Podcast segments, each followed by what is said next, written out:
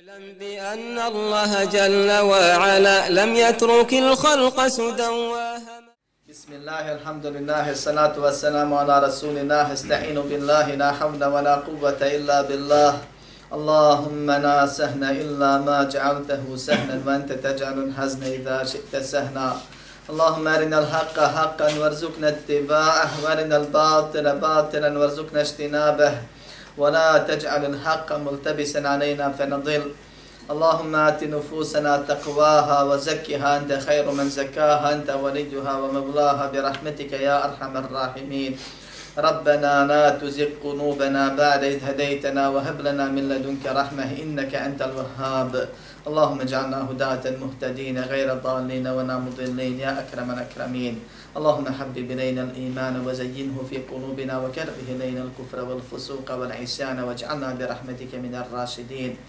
اللهم إنا نعوذ بك من مضلات الفتن ما ظهر منها وما بطن. اللهم توفنا مسلمين والحقنا بالصالحين. اللهم يسر ولا تعسر. اللهم بارك وتمن بالخير. أما بعد. Sva hvala i zahvala pripadaju samo Allahu, savršenom gospodaru svih svjetova. Neka hvalimo zbog njegove savršenosti i potpunosti u svemu. Njemu zahvalijemo na svemu što nam od njega dolazi, od propisa ili odredbe dobra i onoga što nam ne godi od iskušenja, jer savršeni ne griješi i sve od njega je dobro, makar nama tako i ne izgledalo i ne godilo. Samo od Allaha subhanahu wa ta'ala pomoć, oprost i uputu tražimo. Koga Allah uputi napravi put, tome nema zablude. Koga Allah subhanahu wa ta'ala u zabludi ostavi tome nema ni pomagača ni upućivača tražeći spasa na vječnom svijetu i vječnom životu, svjedočimo da nema drugog Boga sam Allaha jedini i nema sudruga i da je Muhammed sallallahu aleyhi wa sallam Allahov rob najbolji njegov poslanik posljednji. Allahu se subhanahu wa ta'ala posebno zahvalijemo što nas je poživio i pomogao da ispratimo ovaj Ramazan onako kako nam je on omogućio i nadahnuo nas molim Allaha subhanahu wa ta'ala da ukabuli naša dobra djela, da prijeđe preko naših grešaka i grijeha i da se obradujemo na sudnjem danu onome što smo radili u Ramazanu i da nas pomogne da nakon ovog Ramazana budemo bolji muslimani nego prije Ramazana. Ono što karakteriše Ahli sunnet vel Jamaat je da se ne pripisuju jednom dijelu islama, nego se pripisuju cijelom islamu. Zato se zovu sljedbenici suneta, jer sunet je sve ono što je došla poslani sa zemlje, ključujući Kur'an, od tumačenja Kur'ana i ostalo. Zato se zovu sljedbenici Selefa, jer Selef su prve tri generacije koji su cijeli islam shvatili, prihvatili, primijenili, bez odbacivanja nečega i potenciranja nečega specijalnog da mi u islamu imamo nužne stvari, imamo obavezne stvari, imamo preče, preče, bitne i manje bitne stvari, ali imamo nebitnih stvari. I zato mi kažemo da je tevhid osnova svega, korijen one lijepe riječi, onog drveta imana, da je njegovo stablo namaz bez kojeg nema vjere i nema imana, da su njegove grane farzovi, ruknovi islama, a već su korijenu ruknovi imana. I da su ostali propisi vjere, lišće i plodovi, bez kojih može čovjek biti musliman, ali ne valja mu drvo. Manjkava mu vjera. Ali ne kažemo da je ova grana naša i njoj se pripisujemo ona druga, tamo neka druga nego sve što je došlo od Allaha subhanahu wa ta'ala, to je naša vjera kojom se mi ponosimo i volimo. I ono što karakteriše sunetli, bez obzira kako se on zvao, je da kad je vrijeme namaza klanja, kad je Ramazan posti, teraviju, se trudi da kako treba izvrši seka, sadakatul fitra, koji, ako je od onih koji daju, daje, ako je od onih koji primaju, prima. Kad se trguje, on po propisima Islama trguje. Kad se ženi ili razvodi, to radi po propisima vjere kad je obavezna borba, on se bori i ne bježi, jer je bježanje zbog pola veliki grijeh. I tako dalje i tako dalje. Ramazan je bio i prošao, mi smo se trudili da treba obavimo, molit će Allah subhanahu wa ta'ala da ukabuli i tražili smo njegovo zadovoljstvo, posle Ramazana Islam i dalje traje, Allah subhanahu wa ta'ala živi, nikad ne nestaje. I mi moramo da nastavimo rad ono zbog čega smo stvoreni da Allah subhanahu wa ta'ala u svakom vremenu i na svakom prostoru iskreno i ispravno nastojimo obožavati i na tome do smrti ustrajati preseliti. Molit će Allaha pomoć za to. Pa nastavljamo za Allahu pomoć dalje sa onim što nas je Allah obavezao, a to je učenje o svojoj vjeri, posticanje na dobro, odvraćanje od zla, kako bismo uradili ovo malo prije spomenuto i bili od onih s kojima je Allah subhanahu wa ta'ala zadovoljan na ovom svijetu i koji će uspjeti na ahiretu. Nakon govora o sudnjem danu i ciklusa predavanja koji su bili i prošli o smrti, životu u kaburu i određenim događajima na sudnjem danu, te šefaatu, dolazi na red tema o sljedećem islamskom ruknu, o sljedećem imanskom ruknu, o sljedećem stubu imana, bez kojeg nema imana, to je vjerovanje u kader ili određenju. Tako je šeh poredao, tako je došlo ovdje. Govorili smo o bitnosti vjerovanja u sudnji dan, da je to jedan od najkorisnijih ruknova, jer je to cilj, jedan od ciljeva, vjerovanje u Allaha i uspjeh pri polaganju računa subhanahu wa ta'ala, pred Allahom subhanahu wa ta'ala. Sad imamo vjerovanje u kader i to je jedna ili jedan od najkorisnijih također stubova onome koga shvati ispravno vjeruje, jer čovjek na ovom svijetu ili zna ko je, šta je, odakle dolazi, kuda ide, što ga šta zadesi od dobra i zla ili ne zna. Pa ako zna drugačije to prihvata, drugačije zamišlja i očekuje, drugačije tuguje ili se raduje, drugačije ispraća ono što odlazi, potpuno je drugi čovjek. Postiže sreću, postiže zadovoljstvo. Kaže poslanik sallallahu alejhi ve sellem u hadisu koji bliži muslim u svom sahihu, kad aflaha men aslama wa kana rizquhu kifafan ila rizqa kifafan, qada'ahu Allahu bima ata. Kaže uspio je onaj ko primi islam i na fakka mu bude ono što mu je dovoljno. I Allah mu da zadovoljstvo onome što mu je da. Primi islam, jer bez islama nema uspjeha, nema sreće na ovom na onom svijetu. I svako ko nije na pravom putu je nesretan, htio to priznati ili ne. Ako ne prizna, nama mora sebe. Sebe lagat ne može. S druge strane, kaže, od nafake mu je dato ono što mu je dovoljno. Jer insan kad mora da traže od drugih, to je nesreća. I ono što nam je minimalno potrebno za sreću, je da imamo ono što nam je dovoljno da odrugima ne ovisimo. Šta znači ne ovisiti od drugima. Allah subhanahu wa ta'ala nikom lično ne šalje na faku. Insan je društveno biće. I čovjek na faku zaradi ili naslijedi ili u vidu poklona dobije. Ili mora da prosi i traži. Onaj koji je sačuvan od ovog zadnjeg, taj ne ovisi od drugima. U rezultatu i prije toga u ubjeđenju da ti ne očekuješ u svom srcu da dođe na ovaj zadnji način, da prosiš, da ti neko da, da moraš se moliti. A ako ti dođe od ljudi pokloniti, to je alhamdulillah, Allah posla na faku. Ili naslijediš ili zaradiš. I u tome nema znači, ili pozajmiš pa vratiš. To je tvoje, samo na drugi način uzeto. I u svemu tome je ponos i poslanik sallallahu sallam je prijeo primjer sticanja na fakije na sve ova tri ili četiri spomenuta načina. Osim tog zadnjeg. Pa onaj kome Allah da toliko da ne mora prositi, i kome Allah da smjereno srce da od Allaha samo očekuje i ne želi da prosi i čuva se i susteže se makar bio potreban dok mu Allah ne da izlaz. Ta je obskrbljen onoliko koliko mu je dovoljno. Međutim, neko ima taj minimum, neko ima osrednje, neko ima puno. Ali ako mu fali ovaj posljednji faktor, da mu je Allah dao zadovoljstvo onome što mu je propisano, taj je nesretan. Dakle, može biti neovisan od ljudi da imaš minimum, ili imaš osrednje, ili da imaš puno, Ti jesi neovisan od ljudi, a to nisi, nisi uspio, nisi sretan. Sve dok ne budeš zadovoljan s onim što imaš. I zato je najveće bogatstvo zadovoljstvo na ovom svijetu. I najveća blagodat vječno je zadovoljstvo Allaha subhanahu wa ta'ala i sa Allahom, to je za blagodat u džennetu na ahiretu. I zato će i najniži dženetlije i najviši dženetlije u smislu blagodati biti zadovoljna s onim što ima i to će mi biti faktor sreće i vječni. Dovoljno njemu ono što mi je dato, makar bi imao puno manje odnose na one iznad njega i on je zbog toga vječno sretan. I onaj ko nije zadovoljan mora da od Allaha subhanahu wa ta'ala moli i mora da kontroliše svoje srce, a ono što nam posebno pomaže da budemo zadovoljni sa Allahom kao gospodarom i sa njegovom odredbom je ispravno vjerovanje u kader. Zato o tome sad govorim. Ispravno vjerovanje u kader, u Allahovu odredbu, u sudbinu.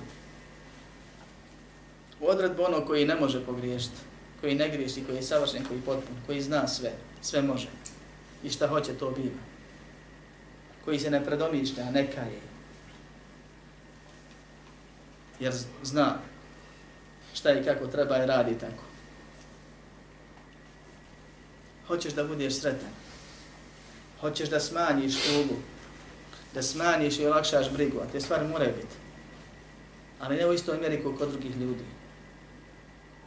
Posveti se, istražuj ako ne znaš ili ako nije dovoljno ovo malo što se govori, još više istražuj po pitanju vjerovanja ispravnog u kader, u odredbu.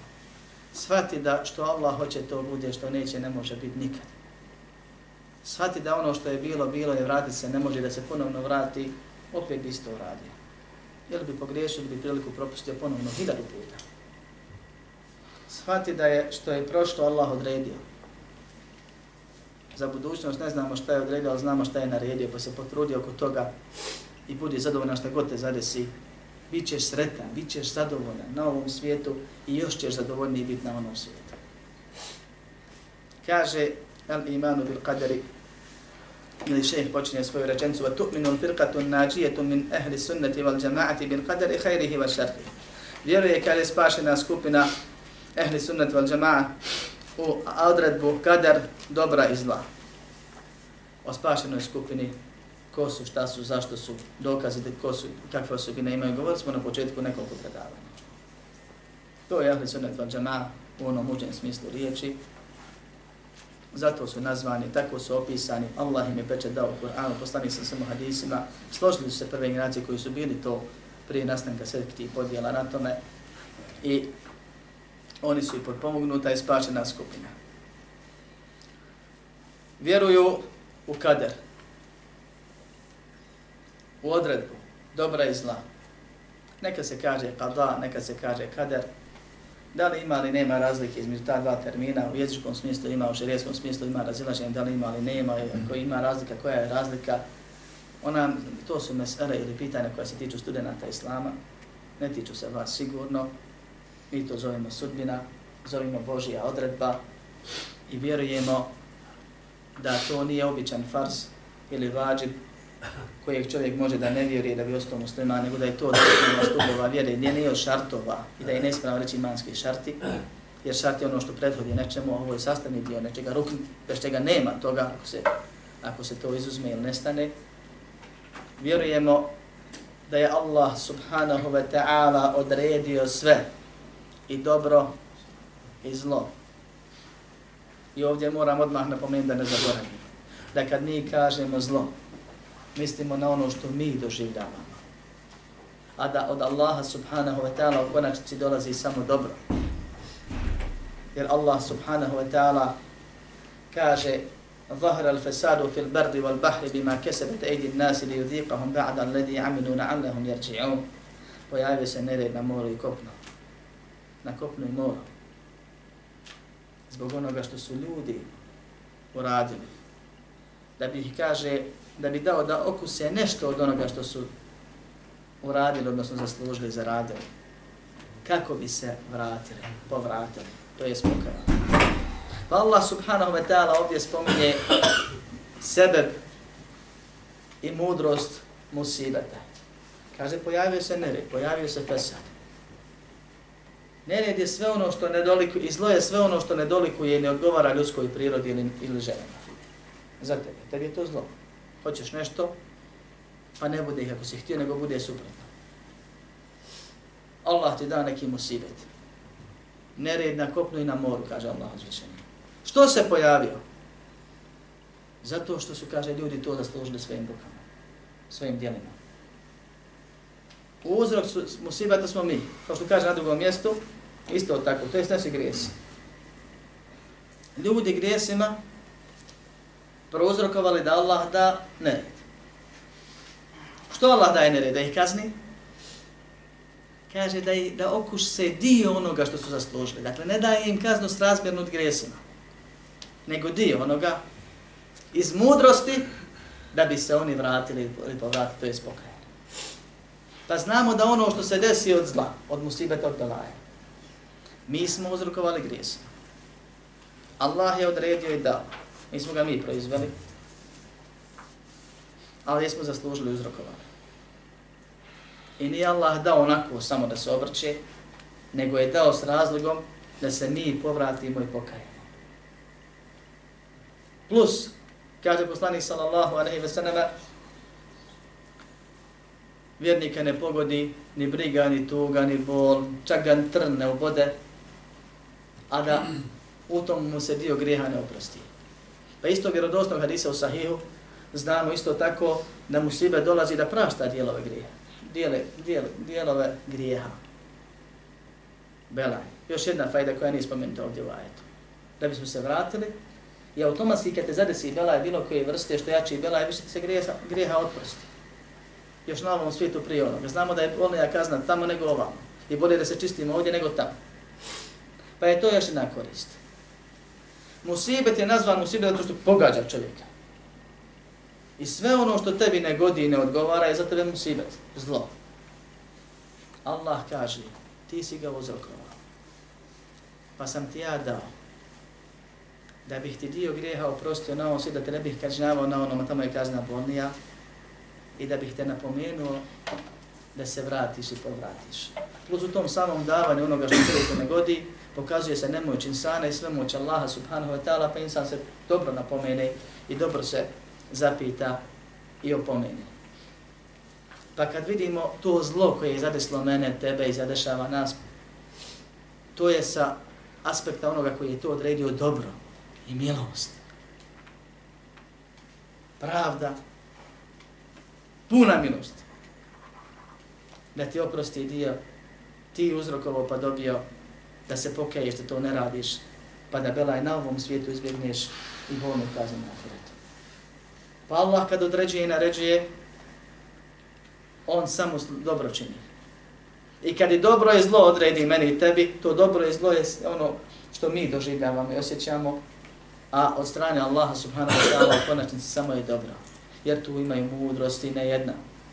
Jedna je spomenuta u ajetu, A Allah subhanahu wa ta'ala, kao što kažu islamski učenjaci, ne radi ni jednu stvar, ne odredi ni jednu stvar, a da u njoj ne imaju mudrosti, množina, tri ili više, korisna razloga u konačnici. To je mudrost. Pa vjernici vjeruju da sve što se biva i kreće, kao što nas učeno u Mektebu biva s voljom, odnosno htjenjem sve mogućeg Boga kojeg nikad nestat neće, od dobra i zla. Ali vjerujemo da je to dobro od Allaha subhanahu wa ta'ala, a zlo je ono što ja i ti osjećamo. I to zlo je za nas dobro. A nazivamo go zlojim zato što nam ne goti, musido, pala, tuga, briga, bol i ostale stvari. Pa je od sastavnih dijelova vjerovane bez kojih je vjerovanja nema. Bez kojih vjernik nije vjernik, makar imao sve ostalo, da vjeruješ da sve što se dešava, i dobro i zlo, da Allah subhanahu wa ta'ala je to odredio i da se to promijeniti ne može osim ako Allah ne promijeni. I da zato imaju uzroci i da za to ima svoje posljedice korisne, ispravne rezultate koji se nazivaju mudrosti. Da Allah ne daje onako, nego sa razlozima pozitivnim koji se nazivaju mudrosti. I zato šeh ovdje dolazi sa nečim ili načinom koji ga, kao što kažu neki učenjaci, nije niko pretekao na ovako. Podijelio nam je raščinio nam je, što kaže, jedan vjerovanje u kader na faze kako bismo shvatili. Uz napomenu da ovakve podjele, definicije, primjere i dokaze ne mora musliman zna da bi bio musliman.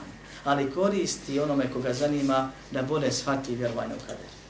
Jer su sekte upravo nastala po ovom pitanju. Neki su skroz iz vjere izašli, a neki su veliku zabludu otišli, zato što nisu razumijeli sve četiri faze ili dvije podvije kao što je šeh Islam podijeli. U osnovi postoje četiri faze vjerovanja u kader, koje su neodvojive i koje su nužne. Insan kad vjeruje u sve te četiri stvari, on vjeruje u kader. Ima sažetak za obične ljude kako da shvate da ispravno vjeruju, ako se već ne petljaju pa neće da zaluta, jer ljudi se petljaju, pokuša nešto da shvati, nešto razumski da pobije, pa onda zaluta i pogriješi na neko od ovih faza.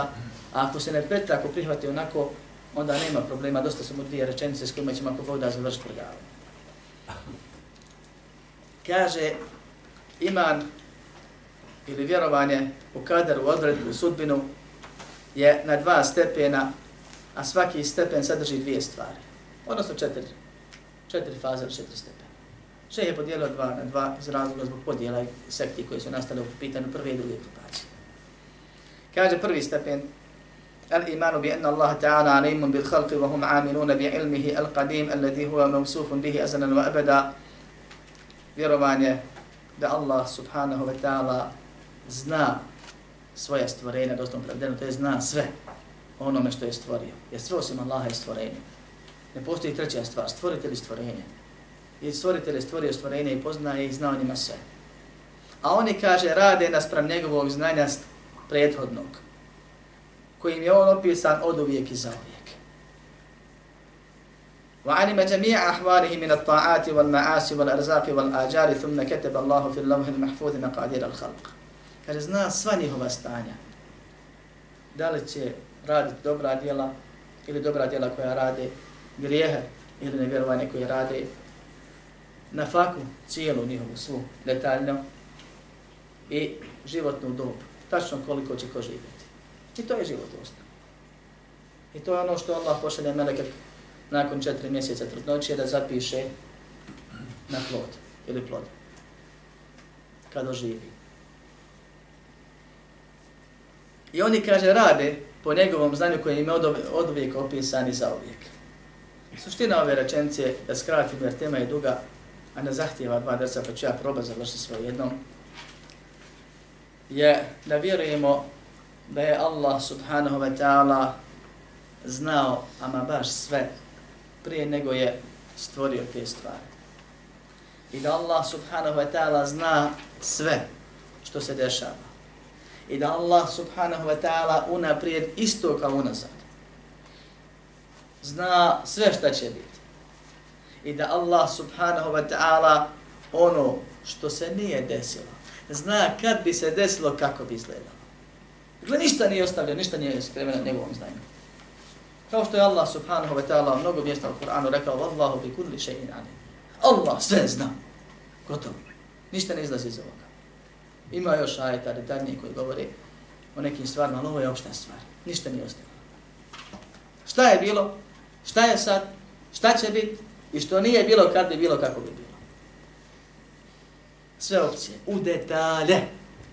I od njegovih imena Latifun, Habirun, govorili smo kroz Vasitiju, još više se svata dio onoga čime je Allah subhanahu ta'ala se opisao, od toga kako zna da skriveni i sitne i najsitnije detalje i njihove mudrosti i na, što, na čemu teže i šta time se postiže i tako dalje i tako dalje.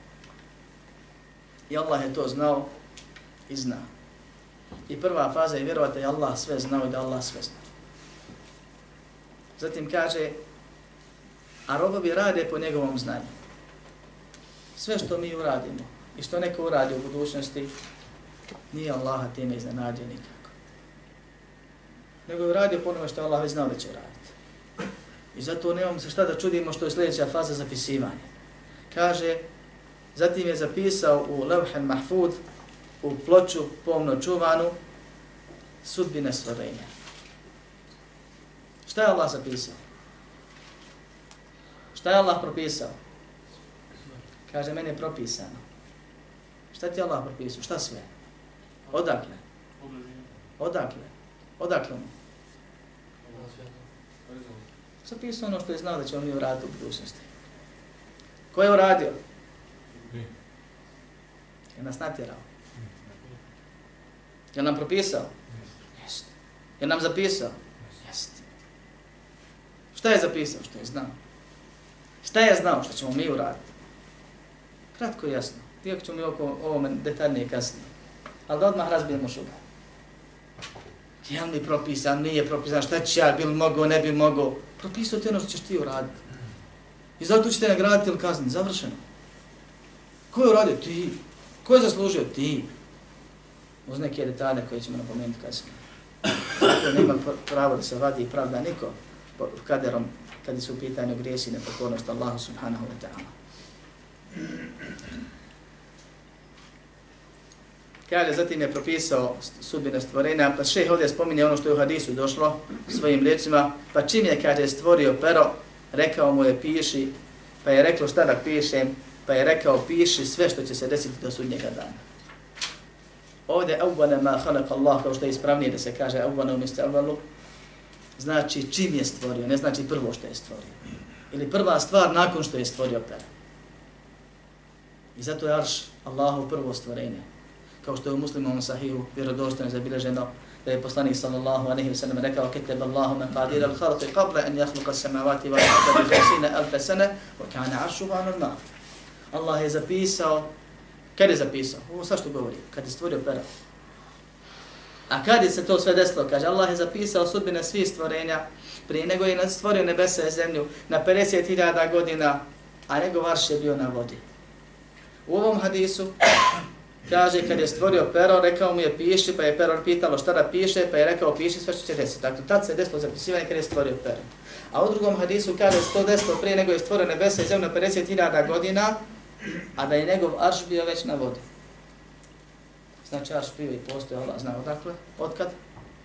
Pa Allah stvorio pero, kad je htio da zapiše sudbine, na osnovu svog znanja koji je već što, koji je znao što će oni raditi, pa mu je rekao čim ga je stvorio i zato ga je stvorio. I odmah služi svrsi. Piši, šta da piše, piši sudbine stvorenja. Pa je prvo stvorenje arš, a između njega je bilo ono što je Allah htio da stvori, pa kad je Allah stvorio pero, naredio mu je da piše jer zato je stvoreno, pa je tad zapisao, a to se sve desilo 50.000 godina prije nego je stvorio nebesa i tad se desile dvije prve faze. Odnosno znanje je postalo od uvijek, od kako Allah subhanahu wa ta'ala postoje, ono od uvijek nije nastao, a pisanje se desilo 50.000 godina prije nego je stvorio nebesa i zemlju, I to su prve dvije faze u okviru prvog stepena kojeg je šeh ovdje spomenuo. Zato šeh kaže kasnije. Fema esaben insana nem jekun li uhti'ahu, wa ahta'ahu nem jekun li usibahu, džefetin aklamu o suhov. Pa što zadesi insana nije ga moglo promašiti, isto ga promaši nije ga moglo zadesiti. Pera su se osušila, listovi su smotani, sastavljeni, sakupljeni, završeni, I ovo je došlo u hadisu također, vjerodostojnom ili nizu njih. I ovo je svr, srž vjerovanja u kader. Ako insan vjeruje da što se desilo, desit se moralo, i što će se desiti, mora se desiti, i što mu je suđeno, neće mu umaći, i što mu je suđeno, ne može ga stići, on vjeruje u Božji odred. Ako vjeruje da je to Allah odredio, što je osnovno kod ljudi da vjeruje, da je Bog odredio to sve. I on ne mora znat nabrajati znanje, pisanje, htijenje, stvaranje, kroz što ćemo mi pojasniti, mi smo dvije ukratko pojasnili, znanje i pisanje, ali mora da vjeruje. I ljudi to vjeruju, kažu zapisano, kažu propisano, i znaju da što Allah hoće to biva i što neće to ne biva, što ćemo kasnije ako bude dokazati, i znaju da što ga je zadeslo njega moglo zaobići, što ga je zaobišlo njega moglo zadesiti, neće, i on vjeruje u kadar. Kaže kao što kaže Allah subhanahu wa ta'ala ili dokaz je to što kaže Allah subhanahu wa ta'ala alam ta'lam inna Allaha ya'lamu ma fi samawati wal ard inna dhalika ma fi samai wal ard inna dhalika fi kitabin dhalika Allah yasir kao što je sura Hadž kaže zar ne znaš da Allah zna sve što je na, nebes, na nebu i na zemlji? Sve je to u knjizi i sve je to lahko. I ovo majetu je obuhvaćeno obje oba stepena prve faze to jest znanje i pisanje. Allah zna sve i sve je to u knjizi. Kaže malo prije u levhem Mahfudu. Taj termin se spominje u Kur'anu. i u suri Buruč se kaže da je Kur'an u levhem Mahfudu. I opisano je u hadisima da je to knjiga u kojoj je Allah subhanahu wa ta'ala zapisao sva stvorenja. Prije nego što malo budemo govorili o toj knjizi ili o toj ploči, jer se i Allah naziva knjigom kao što je u ovom ajetu i pločom kao što je na drugom mjestu ili mjestima, pitao bih vas gdje je Levhen Mahfud?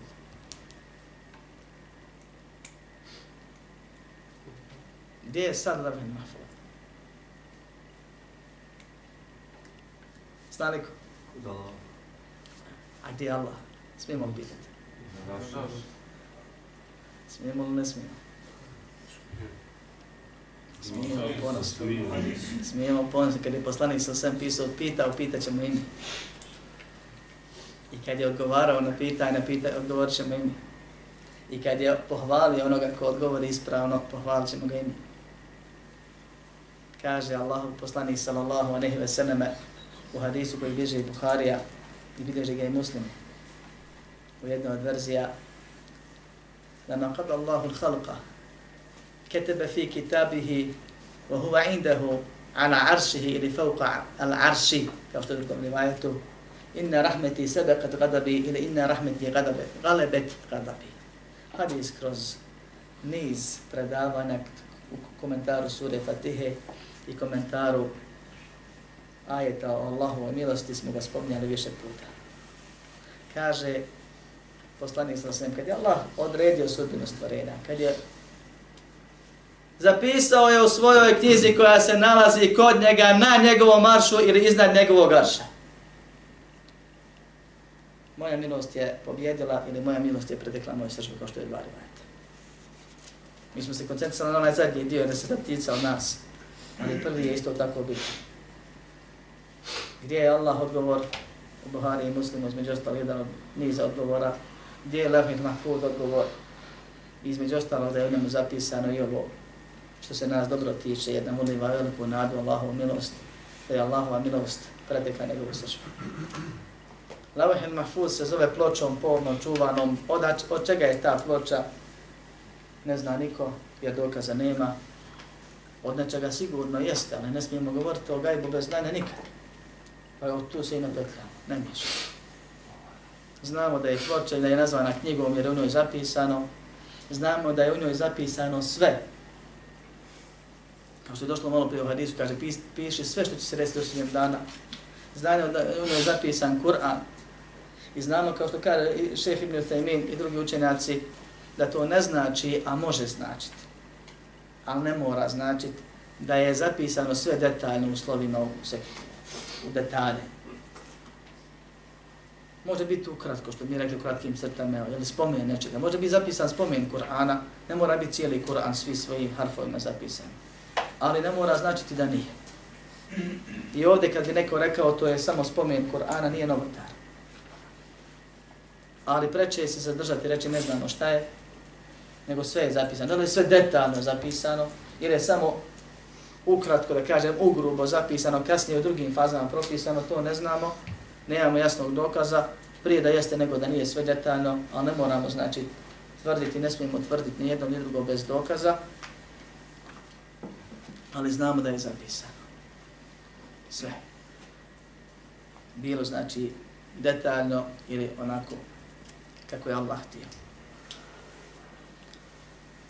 Zatim u drugom ajetu koji je še spomenuo kaže Allah uzvišeni ma asabe min musibetin fil ardi wala fi anfusikum illa fi kitabin min qabli an nabra'aha inna dhalika ala Allah yasir.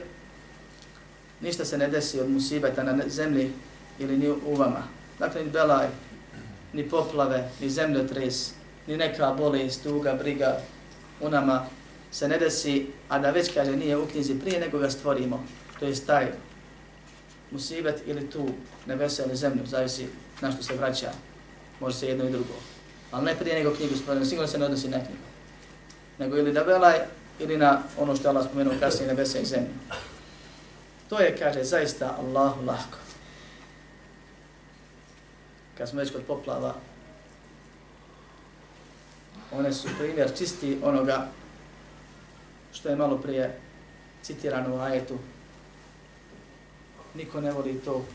Bela je suprotno našoj prirodi, našim zemljama, prirodnim nekim dešavanjima kako vode teku kod nas. Sigurno je belaj i sigurno znamo da smo zaradili i sigurno znamo da time nismo kažnjeni potpunosti. Ali jest vidi dio kazne.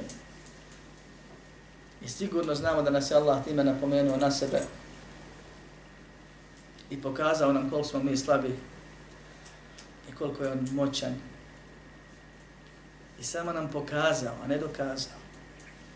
Je da je htio mogao bi nas potpunosti potopiti. Isto kao što se digla toliko metara, centimetara iznad, da mogla se dići kilometara ako treba. Jer Allah kad govori o ovim stvarima na kraju završava kad je inne tarike ala Allah je sije, to je zaista Allahu lahko. Ali nismo zaradili i sve je unaprijed zapisano i određeno. I ima svoje mudrosti i razloge. I sa strane Allaha subhanahu wa ta'ala to je dobro, a za nas Boga mi nije bilo dobro i bojimo se i ne želimo to. Kaže šeheh nakon ovoga hadeta tabi'a na ilmihi subhanahu yakunu fi mawadi'a jumlatan wa tafsira. Ovaj kaže ova odredba koja proizilazi iz Allahova subhanahu wa ta'ala znanja biva kaže u nekoliko na nekoliko mjesta ili u nekoliko situacija globalno, općenito ili pojedinačno detaljno, ono što malo prije govorio. Da može biti da je samo spomenut, a može biti da je detaljno opisana stvar. Pa kaže, zapisao je u Levhil Mahfuz ono što je htio. Zapisao je u tu ploču pomno čuvano ono što je htio. Što se zove pomno čuvana ploča? Od koga je čuvana? Su mi daleko od nas misli. A? Od svakog sema Allaha subhanahu. Ne zavjeruje u nju niko. Najmano se ovako izražava. Niti može neko da dopiše ili izbrše nešto iz nje ili da sazna šta je u njoj dok mu se ne dozvoli. Nešto je pročita, kaže iz nje, Allah zna kako mu se dozvoli. Pa sve one sufijske hićaje o tome kako su Džibrail, Mikali, Srafili, ovaj ili onaj melek sjedili, dosađivali se i listali levhe mahfuz, pa vidjeli tamo kako će neko u džehennem, a on na seždi ne diže glavu sa seždi, izdero kožicu, koljenima i tako dalje, pa su oni nešto čudili, pa kasnije se desilo, pa vidjeli šta on radi, zbog čega je u džehennemu. Sve su to znači priče koje odgovaraju crtanim filmovima, nikako islamskim ubjeđenjima i nije dozvoljeno njima vjerovati. Meleci se ne dosađuju, meleci imaju svrhu zbog koje su stvoreni. Samo ljudi dan gube i troše ono najdragocijenije, to je vrijeme, ni u što. Ne listaju ono što ne mogu prići ne čude se Boži odredbi u smislu kako i zašto, što bi ovo i ono, ne čekaju, nego su zauzeti onim čime su stvoreni, a Levin Mahfuz je čuvana i sačuvana od toga da je džini ljudi ili neka druga stvorenja šaltaju kako hoće ili ne do Allah mijenjaju nešto od onoga što je Allah subhanahu ta'ala propisao. Pa je Allah kaže prvo zapisao Rahman Mahfudu što je htio. Zatim kaže kada je stvorio tijelo ploda, kao što se kaže, prije nego što mu se udahne duša, poslao mu je Meleka, kao što je poznatom hadisu, 40 nevih hadisa između ostalog sabran i sakupljeni raširenja među nama. Pa mu se kaže naredi da mu zapiše četiri stvari, četiri riječi. To su na faka, životna dob, dijela, to je dobra ili loša, ima ili kufr. I šakiju nam sa'id, hoće li vječno biti sretan ili nesretan.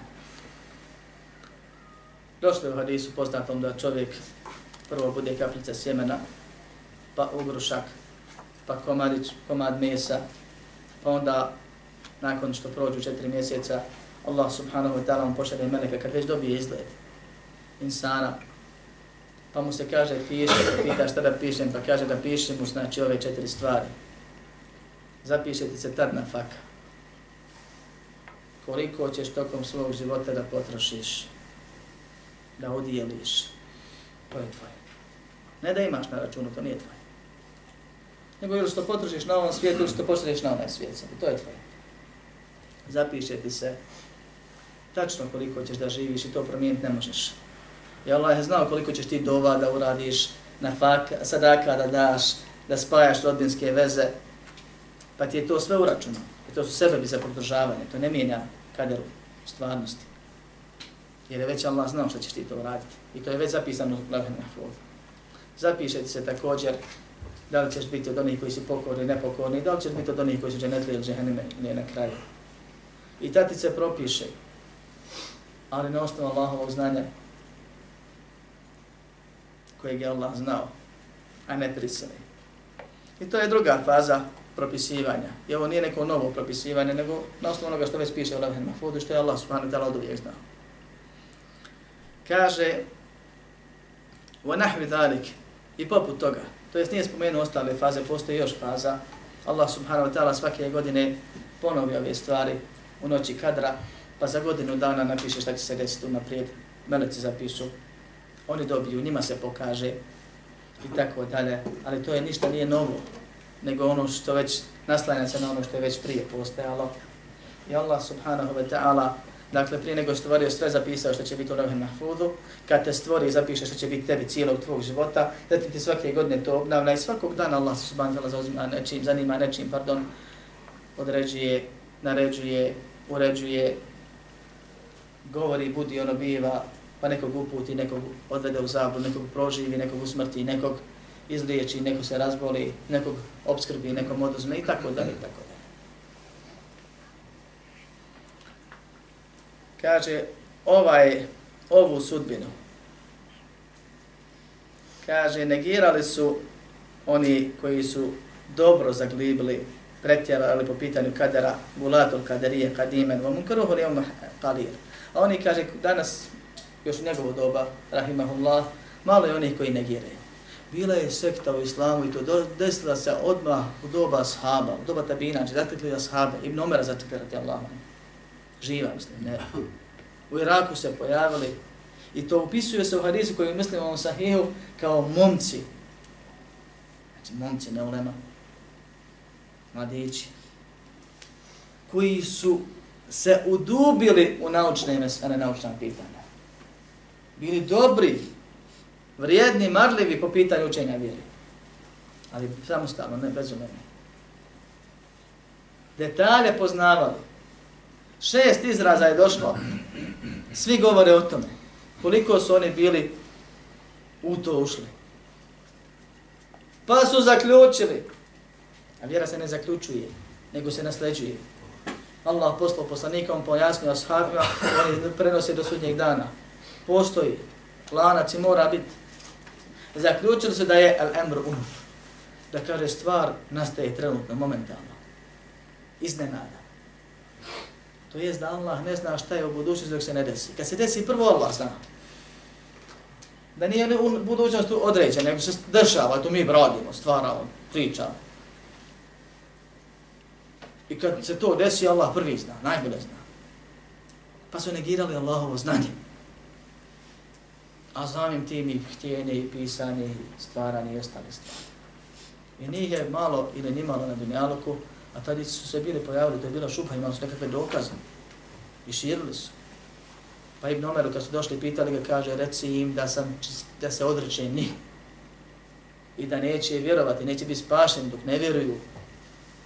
Pa je spomenuto nekoliko rivajta do sahaba, jedan je ovaj, da znači dok ne povjeruju da ono što je se desilo nije se moglo zaobići, ono što je zaobišlo nije moglo se desiti dok ne budu vjerovali kada to odredbu dobra i zla od Allaha subhanahu wa ta'ala, kaže imam Ahmed, raspravljajte se s njima, odmah prijeđite na znanje. Pa ako to potvrde u islamu, ako negiraju, nemate šta da ne prijeđete. Jer onaj ko Allahu negira znanje, taj nije I Zato kaže šeh ovdje, danas ih ima malo, u njegovo doba, a uvijek će se naći neko, jer neka ideja kad nastane, on nikad ne nestane, to su mi Znajte da kad god se pojavila neka novotarija, ona nije iščezla, niti može iščezti. Iščezti u potpunosti. Nekad je raširen, neka se vraća na pojedince, neorganizovane skupine, ali mora postojati ta šuha nekome da neko na nju nasjedne. Ko traži, Allah zonu ne čini. Kaže što se tiče drugog stepena, to je, kaže Allahova, Allahovo htjenje, koje se dešava i njegova moć koja sve obuhvata, to jest vjerovanje da ono što je Allah subhanahu wa ta'ala htio, to će biti bilo je. i ono što je nije htio neće biti i nije bilo. I da se kaže ništa na nebesima na zemlji ne dešava ni pokret ni mirovanje osim sa Allahom i subhanahu ta'ala htjenjem. Kaže ni pokret ni mirovanje, ništa nije ostavio. Sve što postoji u postojanju, ili se rađa ili umire, kreće ili stoji, razvija ili smanjuje, Allah subhanahu wa ta'ala to zato zna, kao što kaže u Koranu, u matesku to men varakatin illa ja'lamuha, list ne opadne da on za njega ne zna, i Allah subhanahu wa ta'ala to htio, jer se u njegovom htjenju ništa ne dešava osim u njegovom vlasti ništa se dešava osim sa njegovom, njegovim htjenjem, ne voljom, nego htjenjem. A između htjenja i volje postoje razlika, o tome smo govorili. Neke stvari Allah hoće da budu, kao što je iblis, nevjernici, nevjerstvo i grije, a ne voli tu stvar. A neki voli i traži od nas, ali nas nije natjerao, pa ko hoće uradi, desi se, ko neće odbije, ne desi se. Pa se ovdje odnosi na Allahu htjenje. To je treća kategorija, da je Allah subhanahu wa ta'ala sve ono što je znao, da će se desiti i zapisao, htio da se desi. Htio ne znači dozvolio u smislu da on zadovoljan s tim ili da voli tu stvar. Ali je dopustio da se desi u njegovoj vlasti. I ništa se ne dešava bez Božijeg htijenja, Ništa, ama baš ništa. I zato kaže la je kunu fi mulkihi illa la je kunu fi mulkihi ma la yurid. Ne dešava se u njegovom htijenju ono što on neće. Kaže također, pored htijenja njegova moć, pa kaže da on subhanahu sve može i na svim je u stanju, to je svim upravlja od stvari koje su prisutne i koje nisu. Što hoće to stvoriti pa bude prisutno, postoji. I ne bježi mu ništa iz njegove vlasti, ne postoji nešto se odmetnulo, da je negdje u nekom drugom prostoru i vremenu kojeg Allah nije stvorio.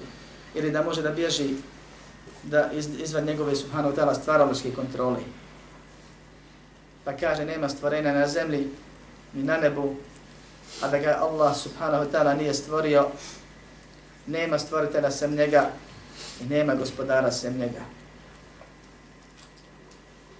I ovdje prelazi na četvrtu stvar, a to je da Allah subhanahu wa ta'ala sve stvara. Ima li neko da sumnja ovo? Misli da ima stvoritelj sem Allah? A kad pitaš ljude, muslimane danas, ko je stvorio grijehe? Moje i tvoje. Šta kažu? Smije li ko reći da je Allah? A ko je drugi subhan? Hel min halikin gajru Allah? Ima li stvoritelj sam Allah? Wallahu haliku kulli šej. Allah sve stvara. Jer mislite da mi možemo iz, neč iz ničega da nešto stvorimo, pa pomakar ovaj naš glas? Ali stvoriti i uraditi nije isto. Ni u jeziku, ni u praksi, ni u stvarnosti. Allah je stvorio naše htjenje. Allah je stvorio mogućnost da uradimo. Allah je stvorio ono što se desi kad se desi. Ali ti i ja smo htjeli i odabrali I ti i ja smo se potrudili, pokrenuli, upotrebili ono što imamo od moći i pokušali i uspjeli jer je Allah omogućio. Dopustio, propisao, pokrenuo, jer se ništa ni od pokreta, ni od mirovanja ne dešava osim sa njegovim htjenjem, malo prije smo, i njegovom moći. I velika je razlika, braćo između stvaranje, stvaranje i činjenje ili rađenje. Čovjek radi, Allah stvara. I Allah nas neće pozivati na odgovornost zato što smo nešto stvorili ili nismo stvorili, nego zato što smo nešto naumili i učinili ili pokušali učiniti. Pa imamo tamo pravila kad neko pokuša dobro djelo pa ne uspije, piše mu se, pa kad neko pokuša pa uspije, piše mu se toliko, pa kad neko pokuša grije pa ne uspije, šta mu se piše, kad mu se piše grije, kad se va, jer ti si pokušao. I kad neko uradi, da mu se piše grije, i da Allah za grijehe kažnjava koji su urađeni, a ne kažnjava za ono što je stvorio. Nema stvoritelja sem Allaha. I Allah je sve stvorio. I Allah sve stvara. I to je četvrta faza kadera. Sve znao, sve htio, sve zapisao. I kad se dešava sad i kad se bude dešavalo u budućnosti, sve što se dešava. To Allah stvara, a ne radi. Mi radi. Malo djeluje komplikovano. nije razumski neprihvatljivo, ne mora biti u potpunosti shvatljivo, ali se mora pokoriti. Ima puno stvari o gajba koji mi ne shvatamo i ne dokučujemo, ali moramo naučiti kako je ispravno. Jer su po ovom pitanju dvije krajnosti velike. Mnogi od njih su izvjere izašli totalno. Jedni kažu Allah nikog nije prisilio, to jest čovjek je krojar svoje sudbine. I čovjek stvara svoja djela, ne autobila. Pa posta, po, nisu jednog Boga, nego koliko ima ljudi i džina, toliko su bogova i stvoritelja propisani. Stvoritelj ima jedan, što stvara dobro, koliko neđusija, Bog dobra, svjetlosti, i stvoritelj ispade svaki pojedinac koji učini grijeh ili kufr, ispade stvoritelj svog jeha i kufra. To su milijarde bogova. A drugi kažu čovjek je poput lista na vjetru. Nema nikakve slobodne vode. Ništa nema. To Allah radi sve. Da pripisuje se Allahu zulum veliki.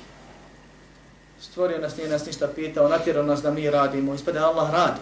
Nisu nam prelazili su stvaranje radjenja. Da Allah griješi ne utubila, ne griješimo mi. I pored toga će nekog u džehennemu vječno, a nekog privremeno držati a nekog u džennetu uvesti.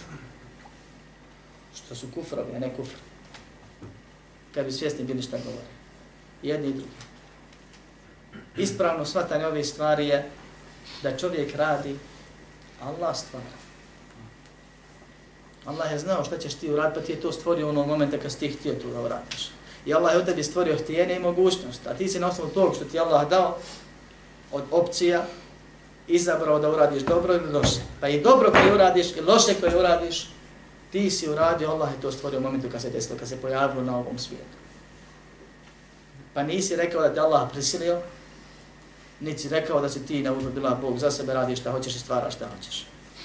Nego si ostao rob u okviru Allahova znanja i u okviru Allahova htjenja i u okviru Allahovog propisivanja sudbine koja je zapisana i ti radiš Allah stvara. Zato kaže, pored toga je Allah, kaže, naredio robovima da mu budu pokorni i da se pokoravi njegovog poslaniku i zabranio im da grijehe čine. Što? Jer oni to, to radi, pokornosti grijehe. Zato im je naredio i zabranio. Kaže, wa huwa subhanahu yuhibbul muttaqina wal muhsinina wal muqsitin. Allah voli bogobojazni, dobročinitele i pravedne. Kao što Allah kaže u tri ajeta u Koranu, za početka ajeta, inna Allah yuhibbul muttaqini, inna Allah yuhibbul muhsinin, inna Allah yuhibbul muqsitin. Allah zaista voli dobročinitele, Allah zaista voli pravedne, Allah zaista voli bogobojazni. Wa yarda anil ladina amanu wa amilus salihat. Kaže, zadovoljan su onim koji vjeruju i čine dobra djela, kao što Allah kaže, radijallahu anhum wa radu anhum. Allah je s njima zadovoljni. Wa la yuhibbul kafirin kao što Allah kaže u Koranu, u suri Ali Imran, da ne voli, kaže, nevjernike. وَلَا la yarda anil qawmil i nije zadovoljan sa narodom griješnim. وَلَا يَأْمُرُ بِالْفَحْشَا i ne naređuje grijeh. وَلَا la عِبَادِهِ الْكُفْرِ i nije zadovoljan da ljudi čine kufr i da su nezahvalni. وَلَا يُحِبُّ الْفَسَادِ i ne voli grijeha u sve stvari svedene iz ajeta kuranski. Kogo čita Kur'an nađe ovo. Dakle, Allah voli iman i voli mu'mine i voli dobra djela i ne voli kufr i ne voli kafire i ne voli loša djela, bez obzira da se bilo to zulum, griješenje, razvrat i tako dalje. I naredio nam je prvo, a zabranio nam drugo jer mi smo ti koji imamo i volju i mogućnost za jedno ili drugo. S tim da Allah koga hoće uputi, a koga hoće odvede u zabludu tako što ga samo prepusti ili u zabludi ostane. Ne nadahne ga. Nego ga nadahne pravim putem ili ga pusti pa on sam skrene i ode krivim putem. Ali čovjek je taj koji odabra. Svaki od nas kad izađe iz svoje kuće može u džamiju ili u kafanu. Ti si taj koji biraš put, pa te Allah pomogne ako si krenuo u džamiju i pustite, pa ti ćeš sam izabrat neku od kafana, nije bitno kladionica kladionca kafana ili nešto drugo s tim Allah nije zabrat. Kaže, wal ibadu fa'iluna haqiqatan wallahu khaliq wa fa'alihim. Ljudi stvarno čine djela, Allah je taj koji stvara njihova djela. I zato kaže, rob može biti i vjernik, i nevjernik, i dobar, i grešnik, i klanjač, i postač. I robovi imaju snagu, moć da izvrše svoja djela i imaju htjenje. Ali Allah subhanahu wa ta'ala, taj koji im je stvorio i snagu i htjenje, kao što kaže Allah subhanahu wa ta'ala, limen ša'e minkum en jestaqim, wa ma te illa i je Allahu rabbul alamin. Ko od vas hoće, kaže gospodar svjetla, neka kreni pravim putem. Neka ustraje. Ali nećete htjeti samo ono što hoće Allah, gospodar svjetla. Ovaj ajet potvrđuje ovo vjerovanje koje imam svo vrijeme, govorim skoro sat vremena. Dođe jedan i kaže, za nije Allah rekao ne možete htjeti ako on neće. Znači biva kako Allah hoće. Kažemo, jeste li Allah u prethodnom ajetu rekao ko hoće ne kreni. A ovi prvi kažu, za nije Allah rekao ko hoće ne kreni, znači radi što hoće. Mi kažemo, ne jeste li Allah u drugom ajetu rekao, ali nećete htjeti samo ono što Allah hoće. Allah je znao i htio, to je dopustio. Pa ti nisi njega iznenadio ni pokornošću ni griješenjem. I nisi pobjegao iz njegovog htjenja. Pa te poziva kreni pravim putem. I znaj da ako kreneš ili ne kreneš, opet je bilo kako je Allah htio. Jer Allah znao i htio i zapisao i Allah će ti stvoriti ono što ti budeš radio. I odgovarat ćeš pred Allahom za ono što si odabrao i radio, a ne za ono što je Allah stvorio kao što kaže Allah subhanahu wa ta'ala u drugom ajetu poslaniku, sa sam govoreći, vama ramejte i tramejte, volakin Allah rame. Ti nisi bacio kad si bacio, nego je Allah bacio. Što je bacio? Koplje koji mi je pogodio poslanici se. Oni su prašno, pardon. Kaže, ti nisi bacio kad si bacio. Je li bacio, ne bacio? Jes kaže kad si bacio. To Allah kaže. Jesi bacio, ali nisi ti dobacio. Ti jesi htio, i ti jesi naumio, i ti jesi uzeo, i ti jesi bacio, i ti jesi dostavio, i ti jesi pogodio u tvojim, svog gledanja. Ali svaka prašina da pogodi u oči svakog tamo, to je nemoguće. Allah ti je stvorio htijenje i stvorio ti moć u tom momentu, mogu biti da I I nadahnute da to uradiš. I dostavio to tamo gdje treba. Pa Allah potvrđuje da on i uradio, ali kaže da je Allah taj koji je dostavio i da je Allah taj koji je pokrenuo svi čitav taj proces. Pa će sam biti nagrađen za ono što je, ili kažem za ono što je radio, ali zna da nije Allaha iznenadio. Gdje Allah samo puki posmatraš s jedne strane, ali Allah se upliče i pomaže koga hoće, pa insan Allahu zahvali ako dobro čini, kao što kaže poslanik sa sem faman wajada khayran falyahmadillah wa man wajada ghayra dhalika fala yalumanna illa nafsa ko nađe dobro nek zahvali Allahu ako nađe nešto drugo nek ne krivi nikoga osim sebe. Ako te ne pomogne ti ćeš svakako izabrati nešto što ne valja da se zahvali Allahu za ono što radiš od dobra a kudi i kritikuj sebe i kaj se Allahu za ono što radiš od zla jer nije te Allah natjero pa je besmisleno da se pravdamo kaderom i besmisleno je nešto drugo, braćo moja. A to je jedna od koristi vjerovno kada se vratim na sami početak. A to je da tugujemo, udaramo glavom o ko što kažu kod nas, za ono što nas je prošlo od dobra ili zadesilo od zla, a već se desilo. I da ludimo i strahujemo, histerišemo za ono što bi nas moglo zadesiti u budućnosti, a nije se desilo. Jer ako nam je suđeno, neće nam umaći. Ako nam nije suđeno, nećemo stići. To je što tiče budućnosti. Allah ništa nije odredio na ovom svijetu da je zlo, apsolutno. Nego ako šta desi, to je dobro za nas. Shvatit ćemo je na ovom je na ovom svijetu. Od onoga što strahujemo, to je dobro za nas. A ono što je bilo i prošlo, bilo dobro koje nam je umaklo, ili zlo koje smo mi uradili nekakvim svojim sebebom, da se milijardu puta vratiš i ponoviš vrijeme, opet bi ti umaklo i opet bi tu stvar napravio, jer ono što se već desilo, makar bio grije, znamo da nam je to suđeno. Ali kad kažem suđeno, ne znači da se pravdamo, nego moramo da se tajemo. Mi smo to uradili u prošlosti. Pošto znamo šta nam je naređeno zabranjeno u budućnosti, pa moramo da, se, da nam to bude preokupacija da se trudiš da što više dobra uradiš, a što više greha ostaviš i da se Allahu prepustiš, ne strahuješ i ne tuguješ, a kad se bela desi da se sjetiš da ga je Allah dao, nije ti mogao izbjeći.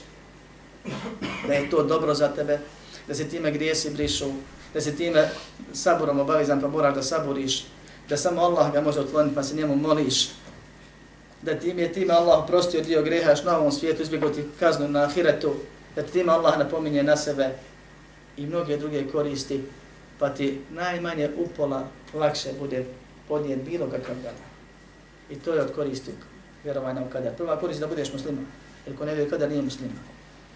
Drugo je da ne tuguješ za prošlosti, da se ne brinješ za budućnost previše, a tuga i briga mora i postojati. To je sasvim dio čovjekovog života, kao što je iskušenje i blagodati. Da se previše ne radiješ kad te dođe neka blagodat, je to da Allah nije od tebe i možeš je izgubiti kao što si dobio Također da se ne pravdaš kaderom za grijehe, nego da se kaješ.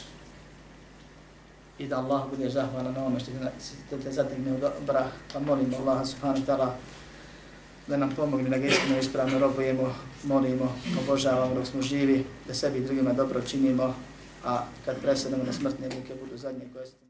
اعلم بأن الله جل وعلا لم يترك الخلق سدى